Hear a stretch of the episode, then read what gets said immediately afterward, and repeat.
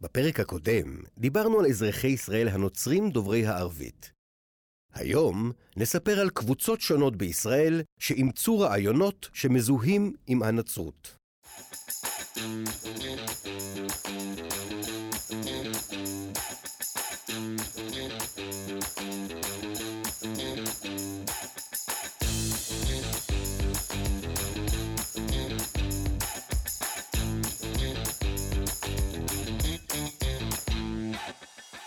היי, אני גדי לוי, ואתם מאזינים לעץ הדעת, הפודקאסט שבו אנחנו מנסים לעודד חשיבה ביקורתית ולענות על שאלות מעניינות, שלרוב אנחנו לא מקבלים עליהן תשובות מספקות. אתם מוזמנים לחפש אותנו בפייסבוק, תחת השם עץ הדעת הפודקאסט, ובטלגרם, בקבוצת חשיבה ביקורתית על יהדות ובכלל.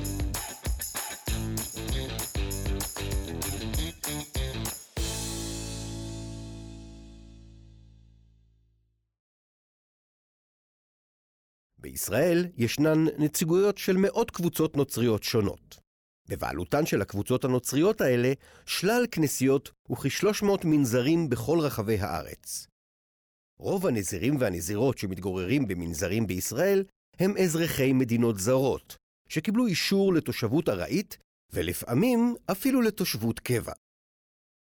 חלק קטן מאוד מהנזירים בישראל הם אזרחי המדינה, שבחרו להקדיש את חייהם לאל. בכנסיות בישראל מתפללים תיירים נוצרים שמכונים צליינים. מתפללים בהן גם מהגרים וגם תושבים ואזרחים מקומיים. סביב כמעט כל אחת מהכנסיות בישראל התגבשה קהילה מקומית, לרוב דוברת ערבית. רוב הקהילות הנוצריות בישראל משתייכות לכנסיות קתוליות ואורתודוקסיות, אבל יש גם כמה קהילות נוצריות פרוטסטנטיות.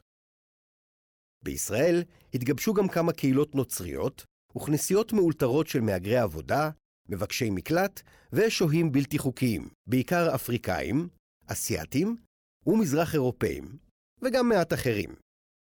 היום בחרנו להתמקד בכמה קבוצות בישראל שרובן התפתחו מתוך הזרם הפרוטסטנטי, שמשתייכים אליהן בעיקר אזרחים ותושבי קבע שאינם דוברי ערבית.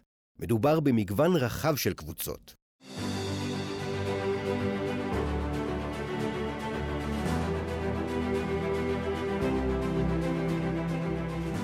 כמו שסיפרנו בפרק הקודם, הזרם הפרוטסטנטי נולד מתוך הנצרות הקתולית במאה ה-16. מקורו של הזרם הפרוטסטנטי הוא ברפורמה הדתית שהוביל הכומר הגרמני מרטין לותר. כיום יש מגוון רחב מאוד של כנסיות פרוטסטנטיות. יש גם כנסיות שנולדו מתוך הזרם הפרוטסטנטי, כמו הכנסייה האנגליקנית, הכנסייה הרפורמית, כנסיות אוונגליות ואחרות. בישראל נוסדו, בעיקר החל מהמאה ה-20, כמה עשרות קהילות ייחודיות, נוצריות, או שאימצו רעיונות שמזוהים עם הנצרות, רבות מהן פרוטסטנטיות, אוונגליות. משמעות המילה אוונגלים היא בשורות. האוונגלים משתדלים לבסס את חייהם על ספרי הבשורות מהברית החדשה. כמעט כל הקבוצות האוונגליות בישראל אימצו לעצמן את הכינוי משיחיות, ורבות מהן קשורות לתנועות גדולות יותר שיש להן מרכזים בארצות הברית. חלק מהקהילות המשיחיות בישראל הן יחידות נפרדות, שאינן קשורות לשום קבוצה אוונגלית. כיום מדובר בלמעלה מ-20 אלף אזרחים ותושבים בישראל שמשתייכים לקהילות משיחיות קטנות ומגוונות שפזורות כמעט בכל רחבי הארץ. חלקן מגדירות את עצמן יהודיות משיחיות, חלקן מגדירות את עצמן משיחיות ללא רכיב היהדות. חברי הקהילות המשיחיות האלה הם בעיקר ישראלים דוברי עברית, חלקם ילידי הארץ, וחלקם עולים מארצות הברית, ממזרח אירופה, מאתיופיה או ממדינות אחרות. חלק מהקהילות מעורבות, וכוללות גם דוברי ערבית, או שפות אחרות. המשותף למרבית חברי הקהילות המשיחיות הוא האמונה בקדושת הברית הישנה והברית החדשה. הם מאמינים ברעיונות שמזוהים עם הנצרות, ובעיקר בשליחותו האלוהית של ישוע לכפר בצליבתו על חטאי האנושות. הם מאמינים גם בחובתו של המאמין להכיר בכך שהאדם הוא חוטא מטבעו, ושתהליך צידוק חטאי בני האדם תלוי בעיקר באמונה בכוח החסד של האל. חברי הקהילות המשיחיות מאמינים גם באפשרות של תקשורת ישירה בין האדם לאל, ללא צורך בתיווך של כהני דת, אלא רק בהכוונה קלה. מנהיג הקהילה המשיחית מכונה בדרך כלל רועה, וחברי הקהילה המשיחית נקראים אחים. חיי הקהילות המשיחיות כוללים תפילות משותפות, ערבי שירה ולימוד, מפגשים ואירועים משותפים, וגם כנסים משותפים עם קהילות דומות. עיקר אמונה חשוב מאוד של חברי התנועות המשיחיות השונות, הוא שלעם ישראל יש תפקיד חשוב בתהליך גאולת האנושות שתקרה באחרית הימים.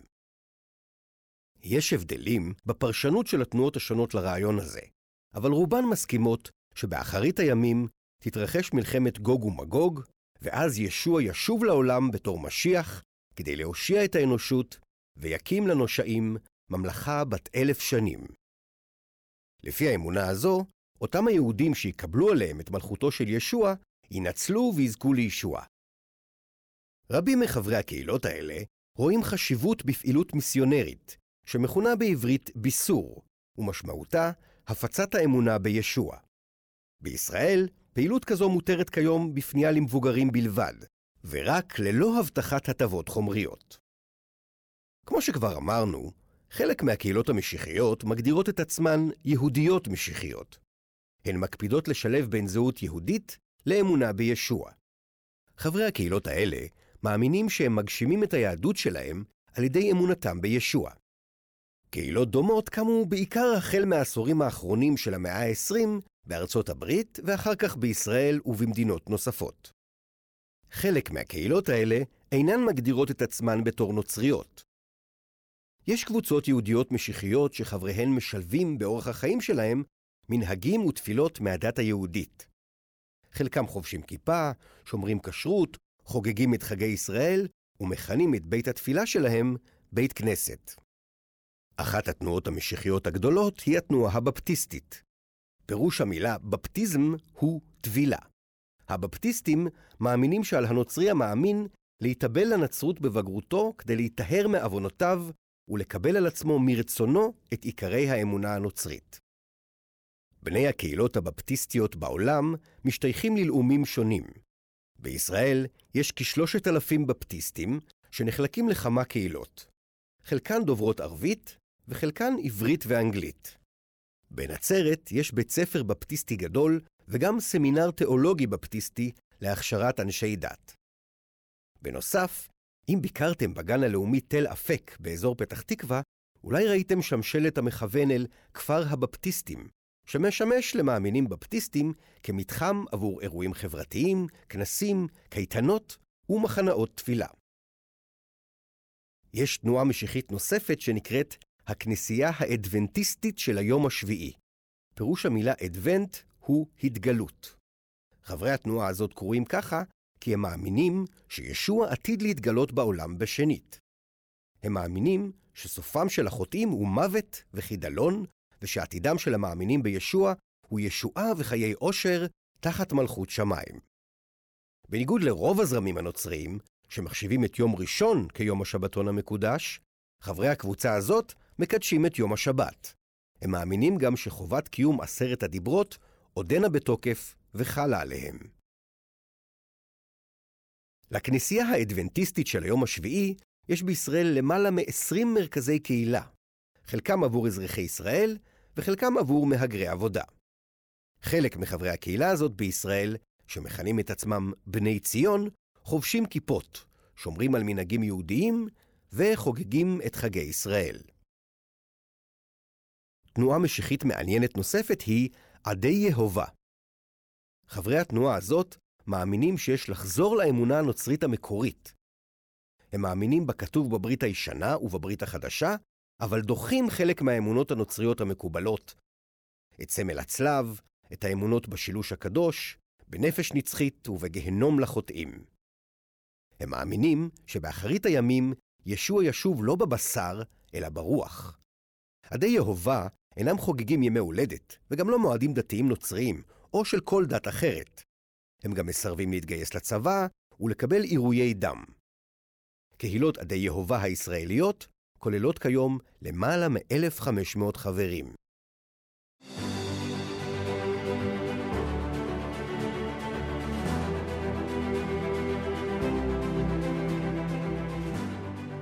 בישראל ישנו גם יישוב ייחודי בשם נס עמים, שהוקם בין נהריה לעכו בשנת 1963, על ידי מתנדבים נוצרים רפורמים, בעיקר מהולנד, משוויץ, מגרמניה ומבלגיה. ביניהם היה גם קיבוצניק ישראלי שהתנצר. מטרת הקמת היישוב הייתה קידום דו-שיח בין יהודים, נוצרים ומוסלמים. המתנדבים ובני משפחותיהם קיבלו אישור להתגורר ביישוב עם אשרת תושבים ארעיים. הם מתנדבים במשך מספר שנים וחוזרים לארצות מוצאם. כיום מתגוררים ביישוב כ-40 מתנדבים שמפעילים את בית הערכה המקומי, שהשפה המדוברת בו היא אנגלית. ביישוב אין כנסייה ואין שום סממן נוצרי. יש בו בית תפילה ולימוד, שהמתנדבים מתפללים שם במוצאי שבת ולא בימי ראשון. במקום מתקיימים סדנאות ומפגשים בין קבוצות דתיות ואתניות שונות. החל משנת 2013 נבנתה ביישוב הרחבה לכ-90 משפחות של ישראלים שמעוניינים לחיות ביישוב שהעקרונות שלו הם פתיחות, סובלנות והכרה באחר. בישראל ישנה עוד קהילה נוצרית ייחודית שנקראת קהילת בית אל. זאת קהילה שמונה מעל 800 חברים. רובם המוחלט חיים בישראל. מדובר בקהילה סגורה מאוד, שחיה חיי שיתוף שמזכירים מסגרת של קיבוץ. הקהילה הוקמה על ידי גרמנים שעזבו את כנסיות האם הפרוטסטנטיות שלהם. חברי הקהילה היגרו לישראל מגרמניה ב-1963 והתיישבו בזיכרון יעקב. כיום, רובם מתגוררים בזיכרון יעקב ובבנימינה. חברי קהילה נוספים הגיעו לישראל בתחילת שנות האלפיים מקנדה והתיישבו במושב מגן שאול. בעבר, מעמדם של חברי קהילת בית אל בישראל הוגדר כתושבים ארעיים. משנת 2004 הוסכם שחברי הקהילה ישלחו את הבנים שלהם לשרת בצבא, ובתמורה, כל חברי קהילת בית אל הוכרו כתושבי קבע בישראל. נכון להיום, חברי קהילה בודדים קיבלו אפילו אזרחות ישראלית. חברי קהילת בית אל מאמינים בתנ"ך ובברית החדשה כלשונם, ללא פרשנויות. הם מאמינים גם בחזרתו של ישוע לעתיד לבוא, שעם ישראל הוא העם הנבחר, ושמי שיברך את מדינת ישראל, הוא יבורך בעצמו. הם אינם משתמשים בסמל הצלב, אין להם כנסייה וגם לא כומר. הם מתכנסים מדי שבוע בבית העם לתפילה ולקריאה בספרי התנ"ך והברית החדשה. חברי הקהילה אינם צופים בטלוויזיה, ואינם קוראים עיתונים, אינם מבקרים בבתי קפה או במועדונים. הנישואים בקהילה נקבעים בשידוך פנים-קהילתי. הבנות מתלבשות בצניעות עם חצאיות ארוכות, ואינן מסתפרות במשך כל חייהן. לקהילת בית אל, מפעלים שמתמחים בעיבוד שבבי, בייצור מערכות מיגון, בייצור מסננים, בהזרקת פלסטיק, בייצור שמיכות, מזון, תרופות וחומרי ניקוי. כמו כן, לקהילה חנות מפעל כשרה בזיכרון יעקב, ובה דברי מאפה, מוצרי שוקולד ועוד. ילדי הקהילה לומדים בגנים ובבית הספר של הקהילה בשפה הגרמנית בכיתות א'-ג' עם תגבור עברית החל מכיתה ד'. בכיתה ט' הם עוברים לבית ספר מקצועי ומקבלים הכשרה מקצועית טכנולוגית, וכשהם מסיימים את הלימודים, הם פונים לעבוד במפעלי החברה. בני הנוער מתנדבים במד"א ובשירותי כבאות והצלה. בנים בגיל גיוס משרתים בצה"ל בתפקידים טכניים.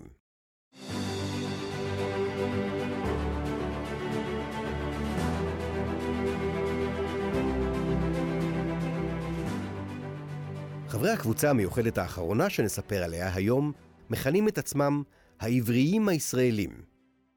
אנחנו נכנה אותם פשוט עבריים. הקבוצה הזאת מונה כמה אלפי חברים שחיים בארצות הברית, ולמעלה משלושת אלפים חברים שחיים בישראל. רובם חיים בקהילה שיתופית בעיר דימונה, בשכונה שנקראת כפר שומרי השלום, או בקיצור, כפר השלום. אבל חלקם מתגוררים גם בשכונות אחרות וביישובים אחרים. יש שרואים בעבריים תת-קבוצה של קבוצת אם דתית גדולה יותר, שחבריה מכנים את עצמם בני ישראל העבריים השחורים, שמאמינים שהם צאצאי בני ישראל האמיתיים והיחידים. קבוצת העבריים נוסדה בארצות הברית בשנת 1966. מייסד הקבוצה, בן קרטר, היה נוצרי ששינה את שמו לבן עמי בן ישראל. הוא טען שהמלאך גבריאל נגלה אליו ואמר לו שהאפרו-אמריקאים הם צאצאים ישירים של שבט יהודה שהיו במקור שחורים, גלו לאפריקה ונמכרו לעבדות באמריקה. בן עמי האמין שעליו להשיב את עמו אל ארץ הקודש ולהקים שם חברת מופת, שתשמש דוגמה לאורח חיים נכון ובריא. בשנת 1967, בן עמי, יחד עם רבים מחברי קבוצת העבריים, עברו להתגורר בליבריה שבמערב אפריקה, וב-1969 חלקם התחילו להגר מליבריה לישראל. במשרד הפנים חשבו שחברי הקבוצה הזו באו לישראל במטרה לעבור הליך של גיור, אבל בשלב מסוים, מנהיג הקבוצה הודיע לרשויות שלחברי הקבוצה אין שום כוונה להתגייר. בתגובה, הרשויות החליטו לנסות להגביל את ההגעה של חברי הקבוצה הזאת לישראל. למרות כל ההגבלות, עוד ועוד חברי הקבוצה הזאת מצאו דרכים להמשיך להגיע מארצות הברית לישראל, כשהם הציגו את עצמם כתיירים. בשנים שחלפו מאז, הרשויות פעם ריככו ופעם הקשיחו עמדות כלפי העבריים. בתקופות מסוימות הוענקו לחברי הקבוצה מעמד של תושבים ארעיים. בתקופות אחרות השתדלו למנוע את כניסתם לישראל. בתקופות מסוימות לא ממש ננקטו צעדים נגד עבריים שאשרת השהייה שלהם פגה. בתקופות אחרות ננקטו צעדים נרחבים כדי לגרש אותם. בסוף שנת 2003 החליט שר הפנים להעניק לרוב חברי הקבוצה מעמד של תושבי קבע. משנת 2004, רבים מילדי חברי הקבוצה הזאת, בסיום הלימודים בבית הספר, התחילו להתגייס לצבא. ומשנת 2012 ניתנה לבני הקהילה המשתחררים מהשירות הצבאי ולבני המשפחות שלהם האפשרות לקבל אזרחות ישראלית. מנהיגי קהילת העבריים נקראים נסיכים. הם מטפלים בעניינים הרוחניים של הקהילה ומנהלים את הטקסים הקהילתיים. כתבי הקודש של העבריים הם התנ"ך, הברית החדשה וגם כתביו של מייסד הקבוצה, בן עמי. העבריים חוגגים את המועדים שנזכרים בתנ"ך באופן שונה ובמועדים שונים מהמקובל ביהדות. החג המרכזי של העבריים, שנחגג באמצע מאי, נקרא פסח מלכותי. בחג הזה חוגגים את יציאת הקבוצה מעבדות לחירות, מארצות הברית אל ליבריה, בדרך לארץ ישראל. העבריים מקיימים אורח חיים טבעוני. הם מקפידים גם על שלל כללי אכילה ייחודיים ונוקשים. למשל, בהשראת מצוות השמיטה שמתוארת בתנ"ך, מגיל שבע הם צמים בכל יום שבת. בכל רבעון הם מקיימים שבוע שלם ללא סוכר, ואחריו שבוע של אכילת מזון טרי ללא בישול. בימים ראשון, שלישי וחמישי הם נמנעים ממלח. הם משליכים מזון שלושה ימים מיום הכנתו, כי הוא נחשב מקולקל. חוקי קהילת העבריים מאפשרים פוליגמיה, ולכל גבר בקהילה מותר לשאת עד שבע נשים על סמך הפסוק בספר ישעיהו, פרק ד', פסוק א', והחזיקו שבע נשים באיש אחד. הם מכנים את הנישואים שלהם נישואים אלוהיים. נציין שפוליגמיה אסורה בישראל, והנישואים שנערכים בתוך הקהילה הזו אינם מוכרים על ידי הרשויות. נציין גם שרוב הגברים בקהילה נשואים לאישה אחת בלבד. מנשות הקהילה מצופה להתחתן בגיל צעיר, וללדת הרבה ילדים. נשות הקהילה נוהגות ללדת בלידה טבעית, במכון הלידה הקהילתי שנקרא בית החיים. ישנם חברי קהילה לשעבר שבחרו לעזוב אותה. חלקם סיפרו שהם חיו בתנאים של צפיפות, של עוני מחפיר, של תזונה לקויה, של ניצול כלכלי, של התעללות ושל ענישה פיזית. חלקם סיפרו שהם חוו גם פגיעות מיניות. הנהגת הקהילה רואה בטענות האלה האשמות שווא.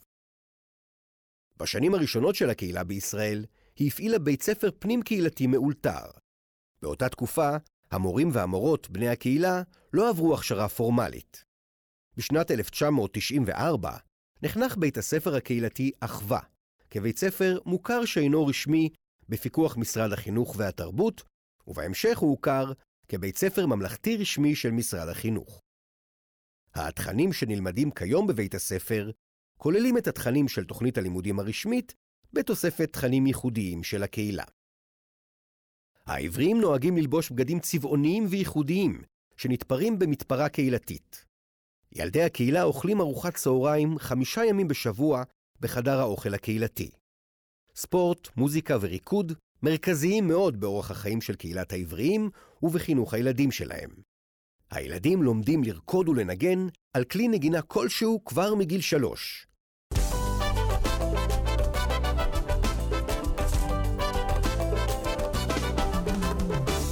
לא אירע, לא נראה.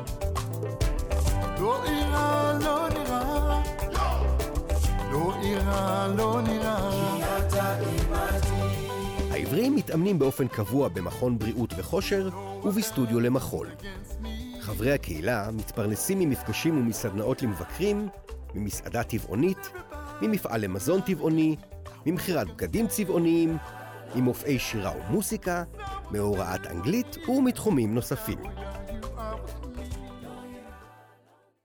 הצגנו היום כמה קבוצות מעניינות מאוד בישראל. חלקן נוצריות, וחלקן אימצו רעיונות מסוימים שמזוהים עם הנצרות, ולפעמים גם רעיונות מסוימים שמזוהים עם היהדות.